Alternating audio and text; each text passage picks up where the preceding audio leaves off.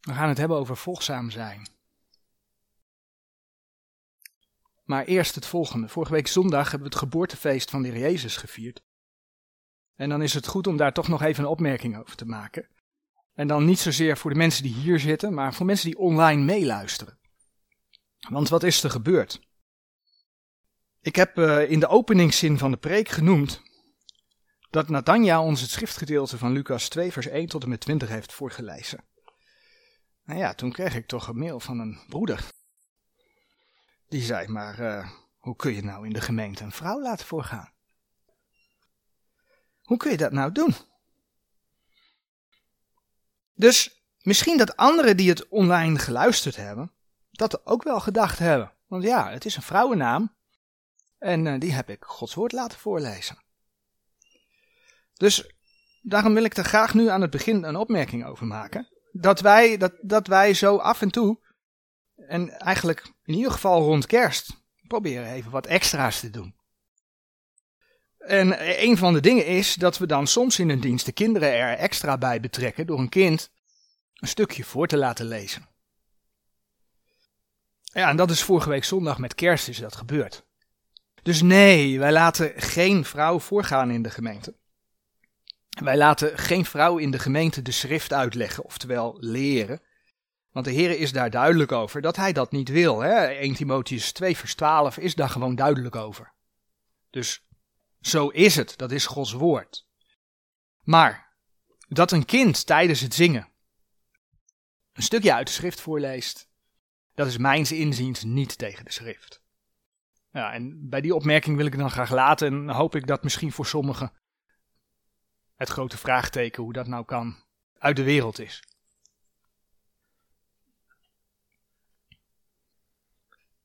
Het thema van vorige week was de overste herder. Een titel van de Heer Jezus. Een herder zorgt voor zijn schapen. Hij voedt ze en hij beschermt ze. Nou, dat is exact wat de Heer Jezus voor zijn schapen doet. We zagen hoe de Heer dat doortrekt naar de gemeente, hoe een voorganger zijn schapen voedt en beschermt, of hoe hij dat in elk geval zou moeten doen. De Heer laat in zijn woord zien dat het herderschap dus belangrijk is. Maar de Heer laat ook zien dat de Egyptenaren een gruwel hadden aan schaapherders. Maar ook aan de offers van de Israëlieten.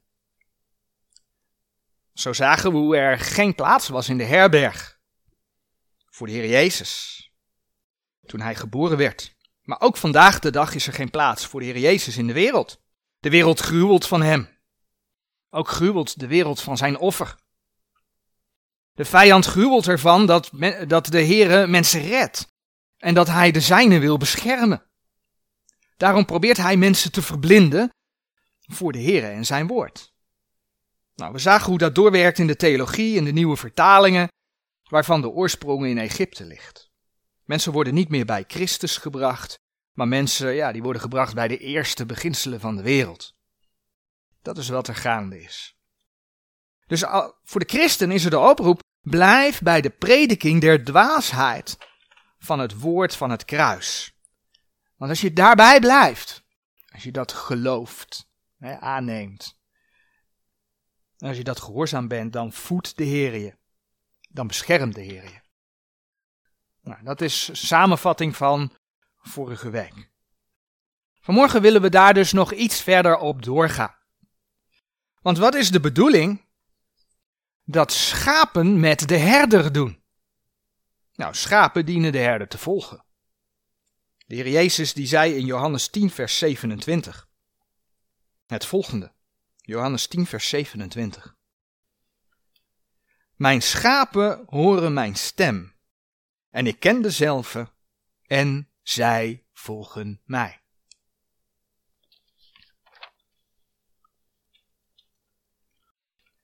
Als je een schaapje van de Heer Jezus bent, als je een kind van God bent, dan hoor je Hem te volgen. Dus een kind van God zou volgzaam moeten zijn. Nu werd deze tekst werd voor het kruis, voor de opstanding van de Heer Jezus uitgesproken, door de Heer Jezus zelf. Dus dan zou je de vraag kunnen stellen, ja maar is dat dan wel voor de gemeente dan? Nou, daarvoor bladeren we even naar Efeze 5 vers 1. En dat is eigenlijk een beetje onze uitgangstekst vandaag. En dan zien we dat de Heer door Efeze 5 vers 1 het volgende zegt. Dat is een van de brieven aan de gemeente. En dan lezen we, zijt dan navolgers Gods, als geliefde kinderen. Zijt dan navolgers Gods, als geliefde kinderen. Duidelijk toch? Daar staat het. Het is een opdracht, zijt dan navolgers Gods. Als kind van God hoor je volgzaam te zijn. Hoor je volgzaam aan de Here te zijn.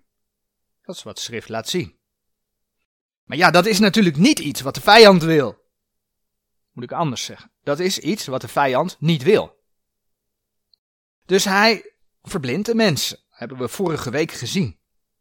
Maar zie daar de reden ook waarom Egypte, waarom de wereld moeite heeft met schaapherders. Want schaapherders vragen volgzaamheid. En dat wil de wereld niet. Ik wijs erbij dat, dat dit dubbel is, hè? want de antichrist is ook de nietige herder. Hij is ook de nietige herder en hij vraagt dat mensen gaan doen wat hij wil. En je ziet dat nu eigenlijk al met alle voorbereidingen naar de nieuwe wereldorde.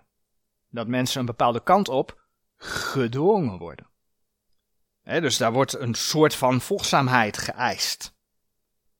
En toch is dat wat anders dan de bijbelse volgzaamheid uit, en dan komt hij, vrije wil. Gehoorzaamheid aan de Here, dat wil de wereld niet. En dat zie je in alles. De jongere generatie wordt niet volgzaam opgevoed. Op school al helemaal niet, maar thuis vaak ook niet. Op school krijgen ze tegenwoordig vaak het vak debatteren. En wat gebeurt er dan? dan? Dan nemen ze bepaalde thema's die in de maatschappij leven. En dan moet je dan, als je het met zo'n punt eens bent, dan moet je met argumenten gaan komen om dat te leren tegenspreken. Maar andersom ook. Ook moeten ze de standpunten waar ze het niet mee eens zijn, leren om dan met argumenten te komen om dat wel te leren verdedigen. En eigenlijk zie je daar hoe ze klaargestoomd worden voor wat er in de politiek gebeurt. waar het niet om, om waarheid gaat, maar waar het om een agenda gaat. Het uitwerken van een agenda. En dan maakt het niet meer uit of dat gestoeld is op, op leugen en arglistigheid. Dus de jeugd ja, wordt, wordt daarin opgevoed. Het gaat om het uitwerken van een agenda. En dan draait het niet meer om morele waarden, laat staan bijbelse waarden natuurlijk. Hè? De jeugd wordt ook opgevoed vanuit het evolutionistische gedachtegoed. Het recht van de sterkste, degene die sterk is, overleeft. Het gaat in deze wereld om jou en wat jij wilt. En als een ander niet wil wat jij wilt, dan weten, hè, naar, naar wereldse maatstaven, succesvol iemand dat naar zijn of haar hand te zetten. En hoe vaak hoor je ouders niet tegen kinderen zeggen: Schatje, wat wil jij? In plaats van nu doen we dit en dit. En hoe vaak wordt er gelachen als dat schatje niet doet wat papa of mama zegt? Oh, wat vinden we dat geweldig. Want daar zit dan wel pit in, in dat kind. Er wordt dus geen bijbelse volgzaamheid geleerd. En de wereld haat dat. En dat alles, ja, dat past uitermate goed bij de eindtijd. Bij de laatste dagen van deze gemeentetijd. Laten we bladeren naar 2 Timotheus 3, vers 1 en 2. 2 Timotheus 3, vers 1 en 2. En dan lezen we daar het volgende, wat daar over de mensheid in de laatste dagen geschreven staat. En weet dit, dat in de laatste dagen ontstaan zullen zware tijden. Want de mensen zullen zijn liefhebbers van zichzelf, geldgierig, laatdunkend, hoogvaardig, hè, hoogmoedig, lasteraars, de ouders ongehoorzaam, ondankbaar, onheilig. Deze versen spreken over liefhebbers van zichzelf. Hoogvaardig, ik noemde het al, dat is hoogmoedig. De ouders ongehoorzaam. En dan zegt 2 Timotheus 3 vers 4 nog dat de mensen zullen zijn verraders, roekeloos, opgeblazen, meer liefhebbers der wellusten dan liefhebbers gods. Waar je dus onder andere leest over opgeblazen zijn. Hè? Ze zijn zo met zichzelf bezig dat ze zich groter voordoen dan ze zijn. En ze kunnen zichzelf niet beheersen. Eigenlijk draait alles om het eigen plezier. Ja, en dan mag dat best onder een schijn van godzaligheid gaan. Kijk maar in 1 Timotheus 3 vers 5. He, mensen willen best religieus zijn. Maar dan moet het wel mij uitkomen. Ze willen best religieus zijn, maar de Heere God liefhebben, dat is er niet bij. Dat hebben we net gelezen in deze versen. Met als resultaat dus dat mensen ja, wel religieus zijn, maar ze volgen de Heer niet. En dan zegt de Heer in 1 Timotheus 3, vers 5, het laatste stukje, heb ook een afkeer van deze. Nou, die is duidelijk, hè? Heb ook een afkeer van deze. We gaan het dus hebben over volgzaam zijn. Als je het hebt over volgzaam zijn, dan heb je het eigenlijk over discipelschap. De discipelen volgden hun meester. Dus dan is de vraag niet, ben je een kind van God? Nee, dan is het uitgangspunt dat je met je hart gelooft dat de Heer Jezus naar de aarde gekomen is om voor jou persoonlijk, voor jouw zonde aan het kruis te sterven, maar ook weer op te staan uit de dood. Dat is dan het uitgangspunt, want je kunt hem pas volgen als je hem kent. Mensen willen tegenwoordig uit zichzelf in de voetstappen van de Heer Jezus wandelen. Eigenlijk ook wel hem imiteren, kom ik zo nog op terug. Dat kan niet. Dat is niet het werkelijke geloof waar de schrift over spreekt. Het begint bij het aannemen van de Heer Jezus. En als kind van God kun je hem gaan volgen. Dan is dus het uitgangspunt dat je dat uit geloof aan de Heer met je mond beleden hebt. En dan is het uitgangspunt dat je daardoor een kind van God geworden bent. Dat is Romeinen 10, vers 9 en 10. Bekende versen voor ons. Zoals gezegd, dan pas kan de navolging beginnen. Dan pas kun je een discipel, een volgeling van de Heer Jezus zijn. Dus de vraag is niet, ben je een kind van God? De vraag is vanmorgen, ben jij als kind van God volgzaam? Ben je met jezelf bezig? En streef je je eigen wellusten na ten koste van de waarheid? Of volg je de Here en wandel je in zijn waarheid, in de waarheid? Dat is de vraag. Want dat is dus wat de Heer vraagt. We hebben dat vers in Efeze 5 vers 1 gelezen. Efeze 5 vers 1. Zijt dan navolgers Gods als geliefde kinderen. Maar wat betekent dat dan? Het betekent in ieder geval niet dat je de Heer moet nadoen. In de Engelse King James, de, de oude Engelse Bijbel, wordt in dit vers gesproken over followers. Nou, dat is exact hetzelfde als dat er in het Nederlands in de Statenbijbel staat navolgers. Followers zijn navolgers. Maar in veel Engelse nieuwe vertalingen kom je tegen dat er dan staat imitators. Nou, kun je heel netjes naar het Nederlands vertalen als imitators. En dat betekent dus zoiets als nabootsers, naapers. In Nederlandse nieuwe vertalingen kom je dat minder tegen. De Groot Nieuwsbijbel komt daar het dichtst bij en die zegt in Efeze 5 vers 1, dus ik citeer de Groot Nieuwsbijbel, U bent geliefde kinderen van God, wees daarom zoals Hij. Toch vind je in veel naslagwerken een verwijzing naar het woord imitator, naar het woord imitator. En dat heeft uiteraard te maken met de verwijzing die men dan doet naar het Grieks. Ik heb hier een stukje uit de Strong's Concordance, waarvan ik wel eens heb laten zien dat er bepaalde vertalingen zijn, maar dat Strong daarin stuurt. Strong was ook een van de mannen die aan, in de comité's van de nieuwe vertalingen hebben gezeten. Dus eigenlijk is zijn concordantie een handboek bij de nieuwe vertalingen. Iedereen die de Statenvertaling leest, Statenbijbel leest en in Strongs gaat zoeken, komt qua woordkeus vaak op bij de nieuwe vertalingen uit. Zo, zo zit dat in elkaar. Wat zie je dan? Het Griekse woordje.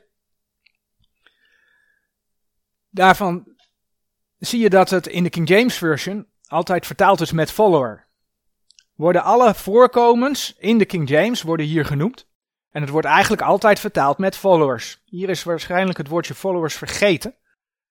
Want in Efeze 5 vers 1 staat het woordje ook wel. Maar dat betekent dus dat alle voorkomers altijd vertaald zijn met followers, met navolgers. Maar wat zegt Strong? Strong zegt het moet gaan om een imitator. Het moet om een imitator gaan, zegt Strong. Strong gaat tegen de King James in.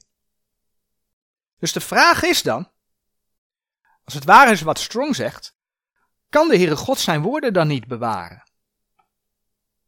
Maar had er dan niet gewoon in de oude vertaling ook al imitator, hè? nabootser moeten staan, imitator? Ja, natuurlijk kan de Heere God zijn woord wel bewaren.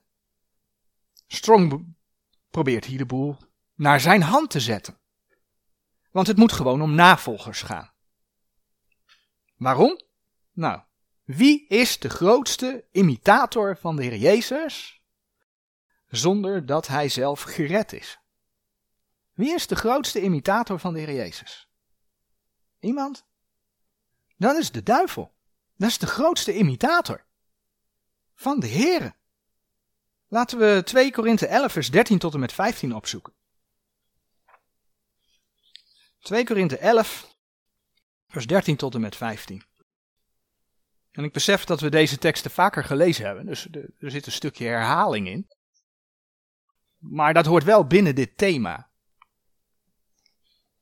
Ik denk dat het gewoon belangrijk is om deze versen daarbij te lezen. 2 Korinthe 11, vers 13 tot en met 15. Want zulke valse apostelen zijn bedrieglijke arbeiders, zich veranderende in apostelen van Christus. Ze doen ze na. En het is geen wonder, want de Satan zelf verandert zich in een engel des lichts. Hij is geen engel des lichts, hij doet het na. Zo is het dan niets groots, indien ook zijn dienaars zich veranderen, als waren zij dienaars der gerechtigheid. Ze zijn geen dienaars der gerechtigheid, zij doen ze na. Van welke het einde zal zijn naar hun werken. Zie je dat? Hier zie je hoe geestelijke boosheden en hun dienaars zich veranderen in een engel des lichts, of in dienaars van Christus. Ze veranderen zich, ze doen alsof, met als reden om mensen te verleiden. Dat is de reden, om mensen van de waarheid af te leiden. Iemand die nadoet, iemand die naaapt, is eigenlijk een vervalser. De duivel heeft bijvoorbeeld ook een, een namaakkerk. Denk aan de grote hoer van Openbaring 17. Dat is de namaakkerk van de duivel. Alle religies onder één dak. Maar hij laat ze buigen voor zichzelf. Dat heeft niets met het lichaam van Christus te maken. Zo heeft de Satan dus ook vele namaakbijbels. Het lijkt soms net echt, maar het is het niet. Met andere woorden, als gelovigen moeten we niet gaan nadoen, maar we moeten de Here van harte navolgen. We moeten, bladeren we naar Colossense 3 vers 10, het nieuwe leven daadwerkelijk aandoen. Je kunt wel wederom geboren zijn, maar als je in je oude vlees, in je oude kloffie doorgaat, heeft het in je leven geen effect. Daarom zegt de Heer op verschillende plekken dat je dat nieuwe leven daadwerkelijk, die nieuwe mens daadwerkelijk moet aandoen. Colossense 3 vers 10. En aangedaan hebt de nieuwe mens die vernieuwd wordt tot kennis naar het evenbeeld desgene die hem geschapen heeft. Het moet geen namaak zijn, het moet echt zijn. Laat de Heilige Geest zijn werk in jou als christen doen. Want dan ga je de Heere oprecht volgen. Dan ga je hem ook gehoorzaam zijn. Nou, een voorbeeld waarom je de Heere bijvoorbeeld niet moet imiteren. Dat vinden we in het feit dat toen de Heer Jezus op aarde was, hij allemaal wonderen en tekenen deed. En de Bijbel laat zien waarom hij die wonderen en tekenen deed. Dat deed hij om te laten zien dat hij de beloofde Messias was. Als je dat wilt opzoeken kun je dat vinden in Matthäus 8, vers 16 en 17. Ik ga hier even snel doorheen. We gaan die teksten niet allemaal opzoeken, hebben we in het verleden uitgebreid bij stilgestaan. Maar ik noem het als voorbeeld. De Heer Jezus gaf die macht ook aan zijn apostelen, aan zijn discipelen, aan zijn apostelen. Dat kun je bijvoorbeeld zien in Marcus 16, vers 17 en 18.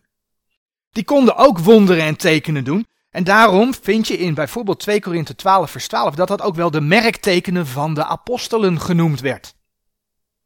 Daar was een apostel aan te herkennen. Maar ja, dan komt 1 Korinthe 4 vers 9. Die zijn ze in allerlei nieuwe vertalingen aan het aanpassen. Want daar staat namelijk dat er laatste apostelen geweest zijn. Er zijn vandaag de dag geen apostelen. Sorry voor al die instituten die wel apostelen hebben. Maar God laat zien dat er laatste apostelen zijn.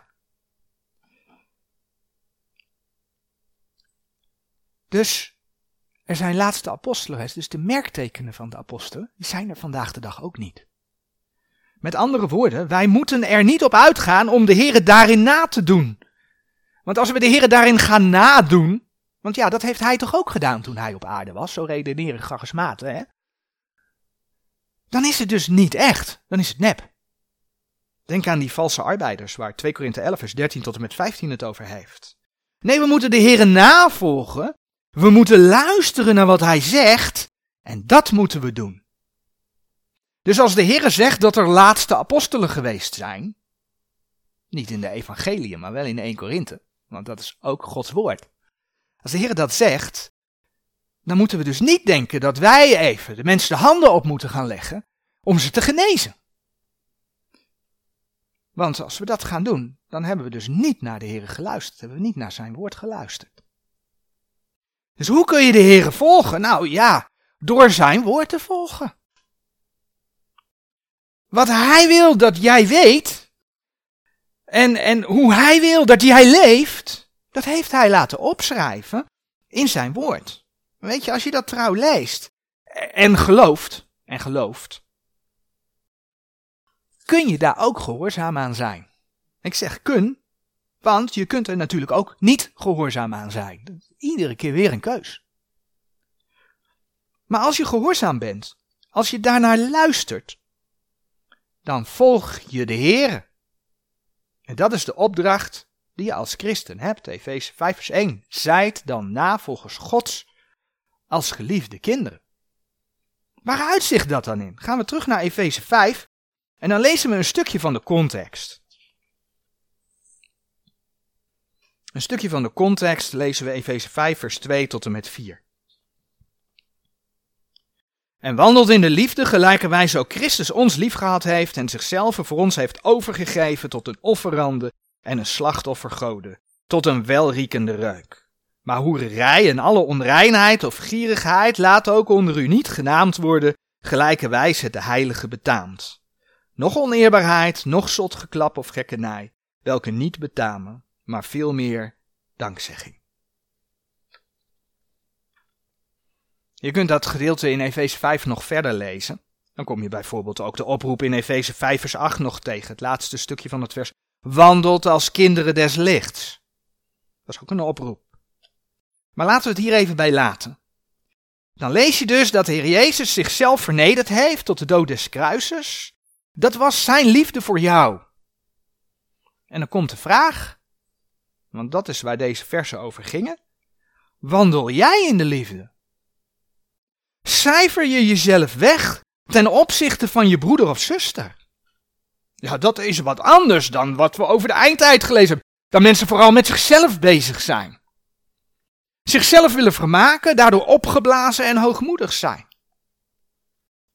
Dus als je de Heer volgt, dan cijfer je jezelf weg en ja, dan de rest van de context, dan vlucht je van de zonde. Dan vlucht je van de hoererij. Dan vlucht je van de onreinheid. Dan vlucht je van de gierigheid. En die andere dingen die genoemd zijn. En dat doe je dan niet alleen voor de buitenwereld. Maar je gaat daadwerkelijk de strijd aan. Auw. Ja, toch wel. De Heer schrijft erover, ook in 1 Timotheus 6. Dan ga je daadwerkelijk de strijd aan om je vlees te bedwingen. Want je wilt dan zijn wil doen. Bijvoorbeeld, wat leer je je kinderen? Ik heb het in de inleiding al even gebruikt. Volg je de moderne opvoeding? Dat ze grotendeels lekker hun eigen gang kunnen gaan? Dat ze altijd hun zin krijgen? Dat je als vader en moeder hun wil doet? Gedreven door wat zij willen, wellusten? En lach je erom als ze niet doen wat jij als ouder zegt? Of leer je ze, Efeze 6 vers 1 tot en met 4, dat ze behoren te luisteren. Dat ze moeten luisteren naar de Heer, dat ze moeten luisteren naar de ouders. Nou, Efeze 6, kijk maar, vers 1. Gij kinderen, zijt uw ouders gehoorzaam in de Heer, want dat is recht. Eert uw vader en moeder, het welk het eerste gebod is met een belofte. opdat het u wel gaat en dat gij lang leeft op de aarde. En gij vaders verwekt uw kinderen niet tot toren, maar voed hen op in de lering en vermaning des Heren. Oftewel, leer je je kinderen volgzaamheid. Want dan doe je daarin Gods wil. Dat is wat de Heer vraagt. Nou, dat is één situatie. Zo zijn er natuurlijk vele voorbeelden meer te bedenken. Hoe je op basis van Gods woord de juiste keuzes kunt maken om de Heere God te volgen. En als je dan de Heere God zo volgt, dan breng je eigenlijk in de praktijk wat er in 1 Timotheus 6, vers 11 geschreven staat. 1 Timotheus 6, vers 11. Maar gij, o mens gods, vliet deze dingen. Hè, dat heeft allemaal met het vlees te maken en dergelijke. Vliet deze dingen en jaag na. Jaag na, volg na. Gerechtigheid, godzaligheid, geloof, liefde, leidzaamheid, zachtmoedigheid. De vorige keer zagen we dat de Heer het herderschap doortrekt in de gemeente, waar hij de voorganger de taak van herder heeft gegeven. Hij moet de gemeente voeden en beschermen. Maar dat geldt ook voor het navolgen van de schapen. Dat wordt namelijk ook doorgetrokken naar de gemeente. Laten we beginnen in 1 Korinthe 11 vers 1. In 1 Korinthe 11 vers 1 zei Paulus het volgende. Wees dan mijn navolgers, gelijkerwijs ook ik van Christus. Iets wat onder christen altijd een heel heet ding is, is dat je geen mens mag navolgen. En in zekere zin is dat ook zo. En toch zegt de schrift, weest mijn navolgers, dat zegt Paulus als apostel, gelijkerwijze ook ik van Christus. Dus blijkbaar mag je wel mensen navolgen. Een mens mag voor jou een voorbeeld zijn. Als je dat maar in Christus doet. En daar zit het hem in. We hebben wel eens gezien dat Paulus ook zondigde en de Heer ook ongehoorzaam was. Nou, daar moet je hem dus niet in volgen. Het staat in de schrift, zodat je ook kunt zien dat zelfs een Paulus zwakke plekken had. Maar dan moet je hem niet in volgen, moet je niet gaan nadoen. Maar wel in datgene waarin hij wel een goed voorbeeld was. Nou, datzelfde zie je bij Petrus. Petrus mocht na de hemelvaart van de Heer Jezus heel veel dingen voor de Heer doen. En toch maakte ook Petrus fouten. Kijk maar wat bijvoorbeeld Paulus in Galaten 2, vers 11 eh, tot en met 13 zegt. Galaten 2, vers 11 tot en met 13. En toen Petrus de Antiochie gekomen was, wederstond ik hem in het aangezicht omdat hij te bestraffen was. Want eerst sommigen van Jacobus gekomen waren, at hij mede met de heidenen. Maar toen zij gekomen waren, ontrok hij zich en scheidde zichzelf af, vrezende degene die uit de besnijdenis waren. Petrus was af en toe nog steeds een beetje bang, lees je daar. En ook de andere Joden veinsden met hem, alzo dat ook Barnabas mede afgetrokken werd door hun veinzing. Veinzen, oftewel huigelen of schijnheilig doen, dat is niet goed. Je moet in de waarheid wandelen. Punt. Dat is wat de Heer vraagt. Is niet altijd makkelijk, maar is wel wat de Heer vraagt. Dus Paulus wees Petrus terecht. Maar feit is dat ondanks dat je deze voorbeelden ziet, dat je dus in Christus iemand mag volgen. Kijk maar wat Paulus tegen voorganger Timotheus zei in 1 Timotheus 4 vers 12. 1 Timotheus 4 vers 12. Niemand veracht uw jonkheid, maar zijt een voorbeeld der gelovigen in het woord, in wandel, in liefde, in de geest, in geloof, in reinheid. Zijt een voorbeeld der gelovigen. Timotheus moest een voorbeeld zijn. Waarom een voorbeeld? Nou, een voorbeeld is om nagevolgd te worden. En dan lezen we wat uh, Hebreeën 13 vers 7 zegt over de voorganger. Hebreeën 13 vers 7. Gedenkt uw voorgangers, die het woord Gods gesproken hebben en volgt hun geloof na. Daar heb je het. Volgt hun geloof na, aanschouwende de uitkomst van hun wandel.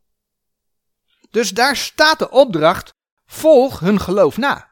Dat zegt niet ik. heb ik er niet van gemaakt. Ik heb het niet ergens tussen de regels doorgelezen of regels verbogen. Het staat er geschreven. Dat is wat de Heer vraagt in de gemeente. Onlangs zei een broeder tegen mij. Ik ken iemand. Die blijft in een gemeente. Ondanks dat hij het niet met alle details eens is. En het is zo mooi om te zien dat hij ook trouw is in die gemeente. Weet je, zo hoort het eigenlijk te zijn. Hebreeën 13 vers 7 zegt er wel iets bij, hè? Aanschouwende de uitkomst van hun wandel. Als een voorganger bewust zelf niet naar Gods woord leeft, dan kun je hem beter niet navolgen. Zo is het. Want Paulus zegt, wees mijn navolger gelijk ook ik van Christus. En als die voorganger de Heer niet navolgt, dan kun je ook beter uit die gemeente gaan. Want een voorganger, hebben we gezien, hoort het goede voorbeeld te geven. Maar als de basis goed is, dan zegt de Heer, volg hun geloof na. Het is heel belangrijk om te zien dat de Heer dus niet zomaar vraagt dat je zomaar iedereen navolgt. We hebben wel eens stilgestaan bij een onderwerp over eenheid en, en valse eenheid. Ook hebben we gekeken naar wat nu een bijbelgelovige gemeente is, waar een, een bijbelgelovige gemeente door gekenmerkt wordt. Nou, vandaag de dag streeft men veelal een eenheid na, hè, die, ja, zichtbaar, die eigenlijk alle kerken en kringen doorgaat. Want we zijn toch allemaal broeders en zusters van elkaar. En dan maakt het niet uit of je baptist bent, protestant, rooms-katholiek, want we zijn allemaal broertjes en zusjes van elkaar. Maar ga daar eens naar kijken. Door de meeste kerken en kringen heen wordt Gods woord aangepast. Wordt er wat anders van gemaakt. In veel kerken leert men niet de Bijbelse wedergeboorte. Vaak leert men zelfs dat je bepaalde sacramenten of andere geboden moet doen om eventueel bij de Here te komen. Want ja, dat weet je natuurlijk niet. Of, charismatisch, dat we de Here moeten nadoen met tekenen en wonderen. Weet je, dat is allemaal dwaalleer. Allemaal dwaalleer die regelrecht tegen Gods woord ingaat. En dan moet je kijken wat de Heer in Romeinen 16, vers 17 en 18 zegt. Romeinen 16, vers 17 en 18.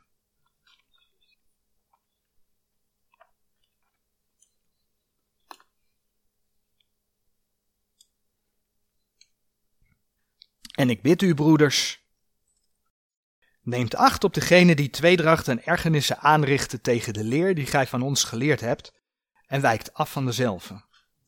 Want de zulke dienen onze Heer Jezus Christus niet, maar hun buik en verleiden door schoonspreken en prijzen de harten der eenvoudigen. Hele duidelijke taal. De Heere zegt, wijkt af van dezelfde. Daar kun je niet één mee zijn. Dat is een valse eenheid die leidt hè, via de ecumene, de eenwereldreligie, tot de grote hoer. En dat zien we vandaag de dag nou heel duidelijk gestalte krijgen. En dan zegt de Heer, wijkt af van dezelfde. Maar als de basis goed is, dan is er een andere situatie. Als je kijkt binnen een bijbelgelovende gemeente, dus niet in het geheel, maar binnen een bijbelgelovende gemeente, waar de intentie er is om Gods woord te bewaren, om Gods woord recht te snijden, bijvoorbeeld, om schrift met schrift te vergelijken. Waar op basis van Gods woord geleerd wordt dat er alleen redding is in Jezus Christus. Waar er een verlangen is om die boodschap uit te dragen. Waar een verlangen is naar zijn komst. Waar mensen niet wereldgelijkvormig willen zijn. Waar geen kinderdoop en sacramenten gevolgd worden. Waar duidelijk stelling genomen wordt tegen de grote hoer van Openbaring 17. En waar de voorganger, ondanks zijn fouten, want de voorganger is ook een mens. Maar waar de voorganger, ondanks zijn fouten, een voorbeeld wil zijn voor zijn schapen op basis van de schrift. Weet je, dan is de basis goed dan is de basis goed. En weet je wat de Heer dan vraagt? Dan vraagt Hij om te streven naar eenheid. Laten we Efeze 4, vers 1 tot en met 3 erbij pakken. Efeze 4, vers 1 tot en met 3.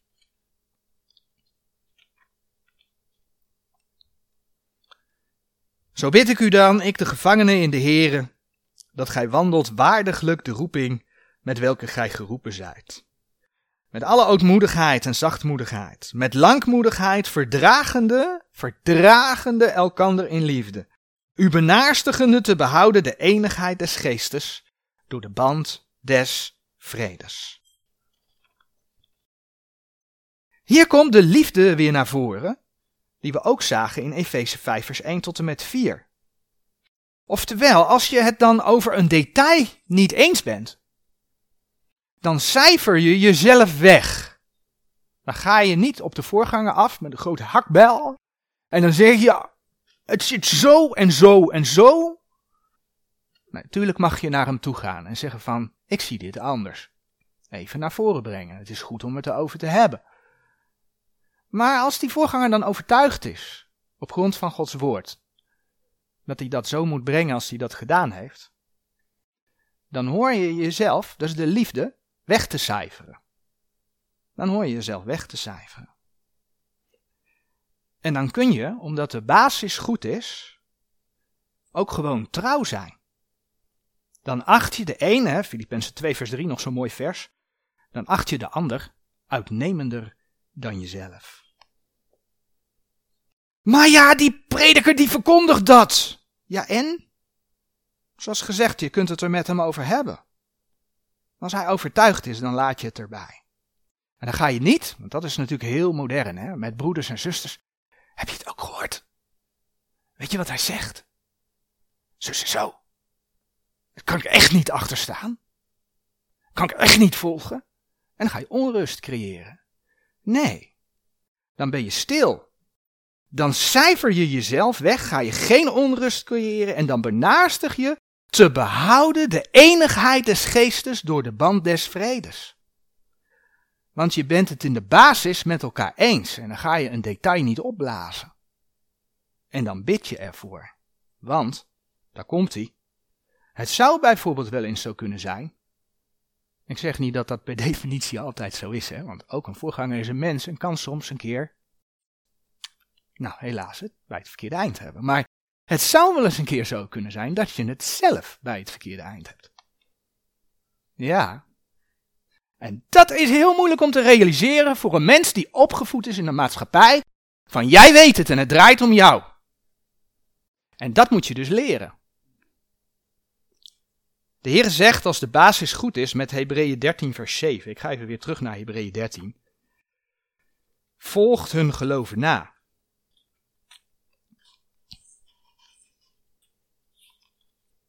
En dan moet je kijken wat er in Hebreeën 13, vers 17 staat. Oh, wat een tekst. Dat past echt niet in deze tijd. Maar ja, dat is met het huwelijk ook zo. Hè? Afgelopen donderdag hebben we het daarover gehad. Dat de vrouw onderdanig moet zijn aan de man. Dat is ook zo'n tekst. Daar kun je in deze tijd toch helemaal niks mee. Hè? Nee, helemaal niks. Ja, daar kun je echt wel wat mee. Dan moet je gewoon uitvoeren. moet je gewoon doen. Ja. Want op het moment dat je dat gaat doen en als man je vrouw leert lief te hebben in alle omstandigheden, dan ga je, dat heb ik donderdag nog genoemd, dan ga je alle twee jezelf wegcijferen. En dan moet je eens kijken, want dan ben jij namelijk voor de ander. En dat geeft een band. Nou, dat geldt dus hier ook, hè. En dan moet je kijken wat Hebreeën 13 vers 17 zegt. Zijt uw voorgangers gehoorzaam en zijt hun onderdanig. Auw. Want zij waken voor uw zielen als die rekenschap geven zullen, opdat zij dat doen mogen met vreugde en niet al zuchtende, want dat is u niet nuttig. Ja, dat is wederom een opdracht in Gods woord. Een opdracht van de Heere om volgzaam te zijn. Het sluit aan bij Efeze 5 vers 1. Het sluit aan bij het feit dat de Heere wil dat herders leren. Ja, en ik heb het al een beetje door laten schemen. Dit is tegenwoordig een, een lastig onderwerp om te brengen, omdat ja, mensen tegenwoordig geleerd hebben om voor zichzelf op te komen, zichzelf belangrijk te vinden zogenaamd hun eigen gelijk te halen, hè? eigen wil door te drukken, want ik heb gelijk. Maar toch is dit wat Gods woord laat zien. De Heer vraagt simpelweg om navolging. En dan is het heel goed om te laten zien wat Gods woord ook zegt, dat een voorganger geen dictator is. 1 Petrus 5, vers 2 en 3 spreken daarover. Het woord dictator wordt niet gebruikt, maar je snapt waarom ik dat woord gebruik. 1 Petrus 5 vers 2 en 3 zeggen. Wij, de kudde gods die onder u is, hebben de opzicht daarover niet uit bedwang, maar gewilliglijk. Nog om vuil gewin, hè, dus niet, niet om er zelf beter van te worden, maar met een volvaardig gemoed. Nog als heerschappij voerende over het erfdeel des heren, hè, de dominee die macht heeft over de onderdanen. Nee, daar komt dat woordje voorbeeld terug. Maar als voorbeelden der kudde geworden zijnde. Daar gaat het om. Een voorganger bepaalt niet wat jij eet, bepaalt niet waar je woont, bepaalt niet hoe laat jij naar bed gaat of met wie je mag praten. En noem maar op. Maar als het gaat om woordverkondiging, als het gaat om orde in de dienst, in de gemeente, als het gaat om de leer, als het gaat om erop uitgaan als de gemeente, dan gaat hij voor. En dan volgen de schapen. Dat is wat Gods woord laat zien. Dat is hetzelfde in het leger. Daar is één iemand die de leiding heeft en bepaalt hoe de strijd gaat. De soldaten luisteren naar de legerleiding. Dat is van belang, want als iedere soldaat voor zichzelf gaat vechten, dan gaat het niet goed met de strijd. Ja. Maar dan komt hij. Het dienen van de Heer wordt niet alleen vergeleken met een herder en schapen, maar ook met een overste leidsman en krijgsknechten. Ik heb niet voor niks dat plaatje van die wapenrusting erbij geplaatst. je kunt dat vinden, de overste leidsman in de Hebreeën 2 vers 10, maar laten we 2 Timotheus 2 vers 3 even opzoeken.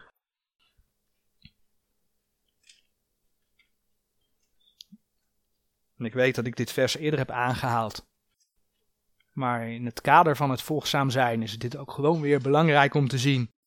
Gij dan leidt verdrukkingen als een goed krijgsknecht van Jezus Christus.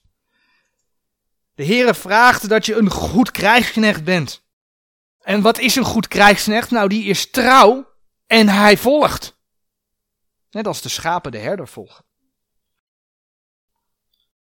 En als de herder een beslissing neemt, voor de verkondiging, voor de orde binnen de gemeente, tijdens bijvoorbeeld het straatpreken, dan volgen de schapen. Dat is wat de Heer laat zien. En dat kan als de basis goed is. Maar dan is de vraag: in hoeverre ben je een christen van de laatste dagen, die in de afval van geloof meegenomen is en de Heer niet wil volgen? Die zichzelf belangrijk vindt, die zichzelf niet wegcijfert en die zijn eigen wil wil doordrukken. Of ben je een christen van de laatste dagen? Want dat zijn we allemaal, want we leven in de laatste dagen. Of je dat nou waar wil hebben of niet. Het is gewoon zo. Of ben je een christen van de laatste dagen, maar die zich ondanks alles wat er om hem heen afspeelt, de grote geestelijke strijd die er gaande is, wil vasthouden aan Gods bewaarde woorden. Die zichzelf wegcijfert. Die de ander uitnemender acht dan zichzelf. En die dus daardoor de Here wil volgen. Ik denk dat het duidelijk mag zijn door de teksten die we gezien hebben, dat het in ieder geval volgzaamheid is wat de Heer vraagt. Het is Oudejaarsdag 2023. Ik bid jullie voor 2024 Gods zegen toe, maar ook een volgzaam 2024. Amen.